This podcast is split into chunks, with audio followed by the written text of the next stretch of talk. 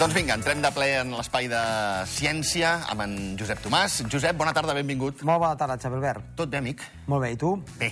Bé, Bé. fantàstic. Escolta'm, el que també ha d'estar bé, teòricament, és el temps, però encara no em responguis això. Respon-me la dita. Molt bé, la dieta popular, neu de febrer, bona és si és de primer. Sí. Um, per què?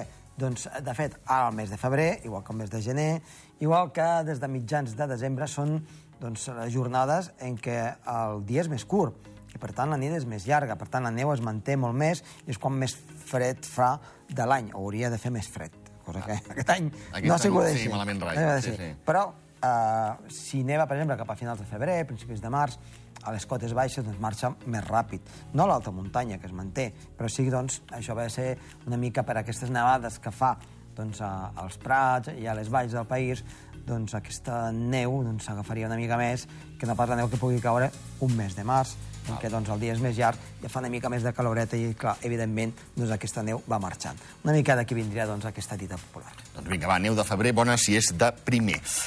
Fotografies, ens en portes tres. Tres fantàstiques fotografies. La primera de tot ens anem a Sorteny i doncs eh, podem veure en aquesta imatge, el primer de tot, doncs el, doncs, el refugi de Sorteny. Mhm. I com? Sense neu, pelat, malauradament. Sí, sí, pelat, pelat, eh? pelat, sí, sí. I enfront es veu el bosc, Sí, que està a l'ombra, sí, per tant, està a l'Obaga amb neu. correcte. Per tant, es veu doncs, el yin i el yang. El, eh, Sí, sí, sí, totalment. El Sí, dia sí. i la nit, pràcticament, no? Sí, sí. Amb un cel eh, serè, però es veu com Molt a l'Obaga, aquesta neu, això que dèiem ara una mica del febrer, no? I també del gener. Doncs que a l'Obaga la neu es manté, tot i que doncs, faci caloreta, però, clar, a la Solana aquí és on la neu doncs, surt més perjudicada. Aquests dies hi ha hagut molts núvols de tipus alt, Sí. amb el sol doncs, que està baix sobre el que és eh, l'horitzó, Sí. i això dona postes de sols espectaculars, molt més que no pas a l'estiu. I eh, cel rogenc, Pluja o vent. exacte. Ens ho envia en aquest cas l'Anna Maria H, i que doncs, es veuen aquests colors mm, rogencs, ataronjats, violacis, que contrasten amb un cel eh, ben blau, Sí. i això ens va portar una miqueta de vent, però res de precipitació. Ara fa uns dies Fins i tot aquest blau esfilagarçat recordaria el fons marí, no? Amb una mica d'imaginació. Sí, una mica d'imaginació, sí. Per tant, eh, la imaginació amb, aquests, eh, amb aquestes imatges doncs, eh, està a cadascú que vulgui pensar, però Correcte. dona molt de sí eh, els núvols de tipus alt al capvespre i també a primera hora del matí. Imagino que aquest cel rogenc va portar vent, perquè pluja... Res de res. Una miqueta de vent ja està. I ara doncs fem un salt ens anem Vinga, va. fins a Romanievi, Carai. a, pràcticament al cercle polar àrtic, Sí. a Finlàndia, i que ens ho envia José Antonio Torres, que sempre col·labora molt amb les seves imatges, fotografies, es troba en aquell lloc i ens va enviar aquesta imatge, amb, ens deia, amb 21 graus sota zero i amb, i amb el que seria doncs, una aurora boreal, que són maca. doncs, una mica difícils de veure, però molt maca, i per tant moltíssimes gràcies per aquesta fotografia, que no és d'Andorra, però vaja, No, home, un dels està nostres bé, col·laboradors home. doncs, uh, tinc la delicadesa d'enviar una, una fotografia doncs, de- d'aquesta estància que està fent allà.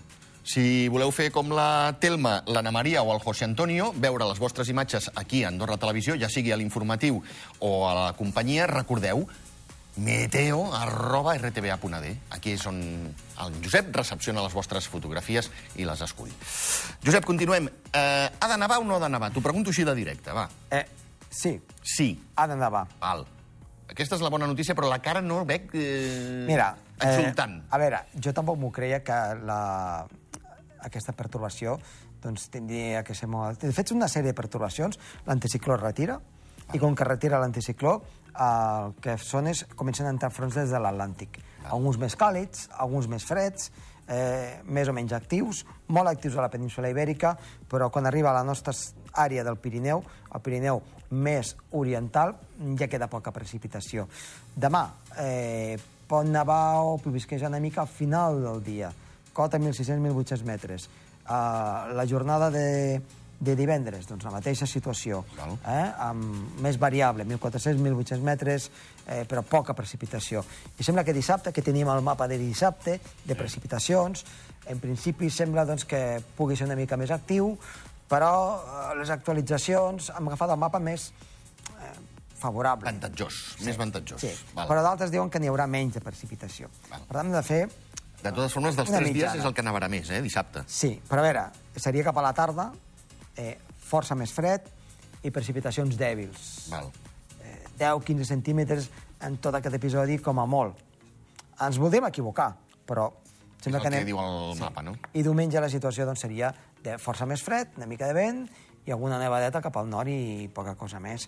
I tenim el mapa de temperatures Sí. on el que podem observar és una situació doncs, on les temperatures baixarien una miqueta i s'acostarien cap als 0 graus ja a partir de dissabte i especialment diumenge, 0 graus a 1.500 metres d'alçada, alçada de Canillo, més o menys. Sí. Doncs, eh, per tant, notarem aquest descens de les temperatures, les temperatures gairebé estarien normalitzades, però no esperem cap gran baixa de temperatures ni cap gran nevada de moment.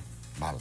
Aquestes temperatures de 0 graus eh, s'allargarien la setmana que ve o és massa precipitat dir-ho? No, Ho dic per, per, per cultivar A, neu. ve, a veure, eh, no volem... no volem ser negatius, però per la setmana entrant tornen a pujar les temperatures. I, per tant, eh, jo crec que quan tinguem... quin, quin hivern. Terrible. Quin hivern terrible, terrible, eh? terrible. Terrible hivern. Men mentre tenim aquesta finestra de temps Sí. eh, eh, bo, diguem-ne, per, per, per les estacions d'esquí, s'ha d'aprofitar. Fer neu, si neva, doncs que nevi, condicionar al màxim.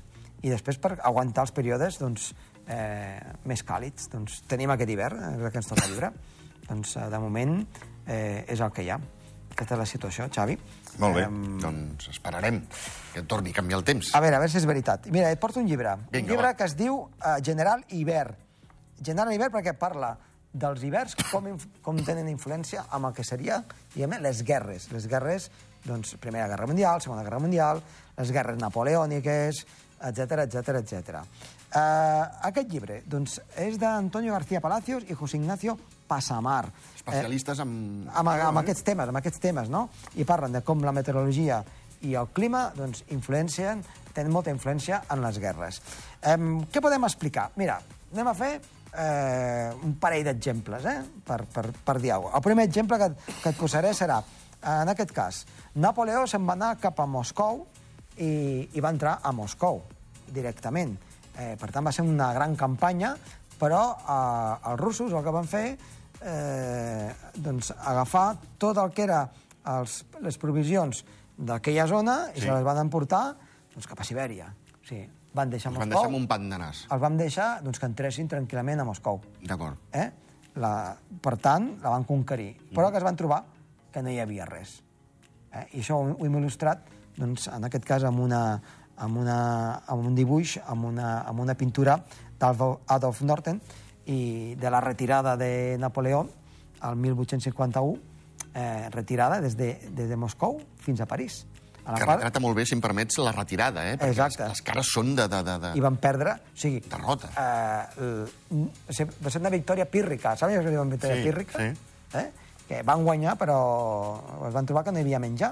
I al cap de dues setmanes, a part que anaven morint gent per enfermetats i per gana, doncs van tenir que retirar-se des de Moscou fins a París. Imagina't, eh, amb temperatures de 20-30 graus sota zero, la situació era, era bastant, bastant dolenta i això doncs, va tenir conseqüència també la caiguda de Napoleó.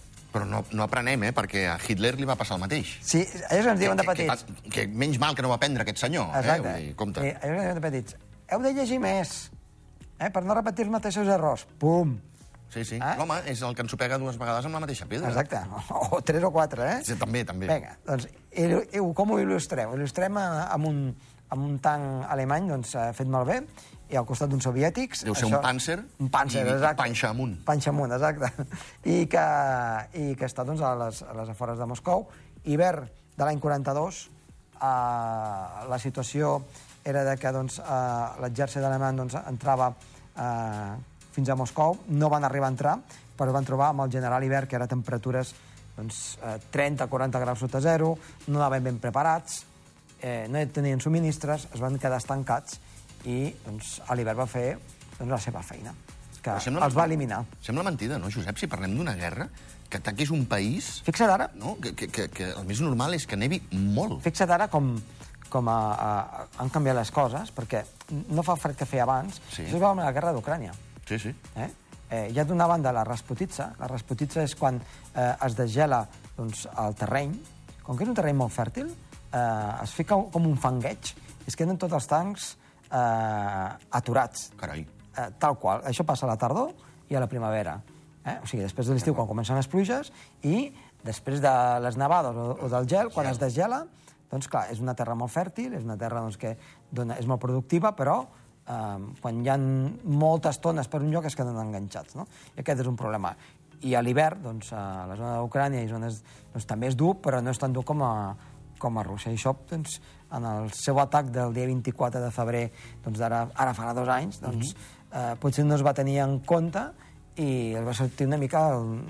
No van tenir l'èxit que el Putin doncs, que hagués pogut tenir amb un, amb un altre tipus de campanya. Per tant, la meteorologia i el clima és molt important. Eh? És, No, no, cap. I, I parlarem també de la Primera Guerra Mundial, en què doncs, eh, va succeir el mateix en les trinxeres, eh, moria molta gent degut més aviat al fred i a les malalties i a la mala nutrició que no pas perquè et matés una bala. Eh? Per tant, guerra de desgast, eh, i el, què és el que desgasta? Doncs el clima i la meteorologia que pugui fer durant aquells mesos doncs, que dura, dura una campanya i aquest llibre ho explica. Doncs eh, molt interessant, Josep, de debò. Mm, Una bona lectura avui. Exacte, una bona lectura amb una bona manteta perquè et deu agafar senyor. fred, eh? Sí, senyor, segur. Només llegint segur que t'agafa fred. Per cert, està al voltant dels 23 euros, per si algú li interessa. bé, està bé. Està bé, està bé. Encara ens ho podem Permetre, eh? Josep Tomàs, moltíssimes gràcies. A tu. Que vagi tot molt bé. Adéu-siau. I tots vosaltres, si us plau, atents, perquè arriba Maria Cucurull, presidenta de Cultura Activa, aquesta nova associació que vetlla i vetllarà pel català, però volen emprendre moltes més accions que volem que ens expliqui ara la, la Maria, després de la pausa publicitària. Com també volem veure a Maria Lucena disfressada i a la Rua escolar de Carnaval a Ordino aquest matí, i finalment Mariona Buixó. Com influeix el tipus de relació avis-pares, esplai, amb els nens i les nenes? Tot això, ara a la segona part. Per tant, tornem rapidíssim, que tenim molta feina. Fins ara.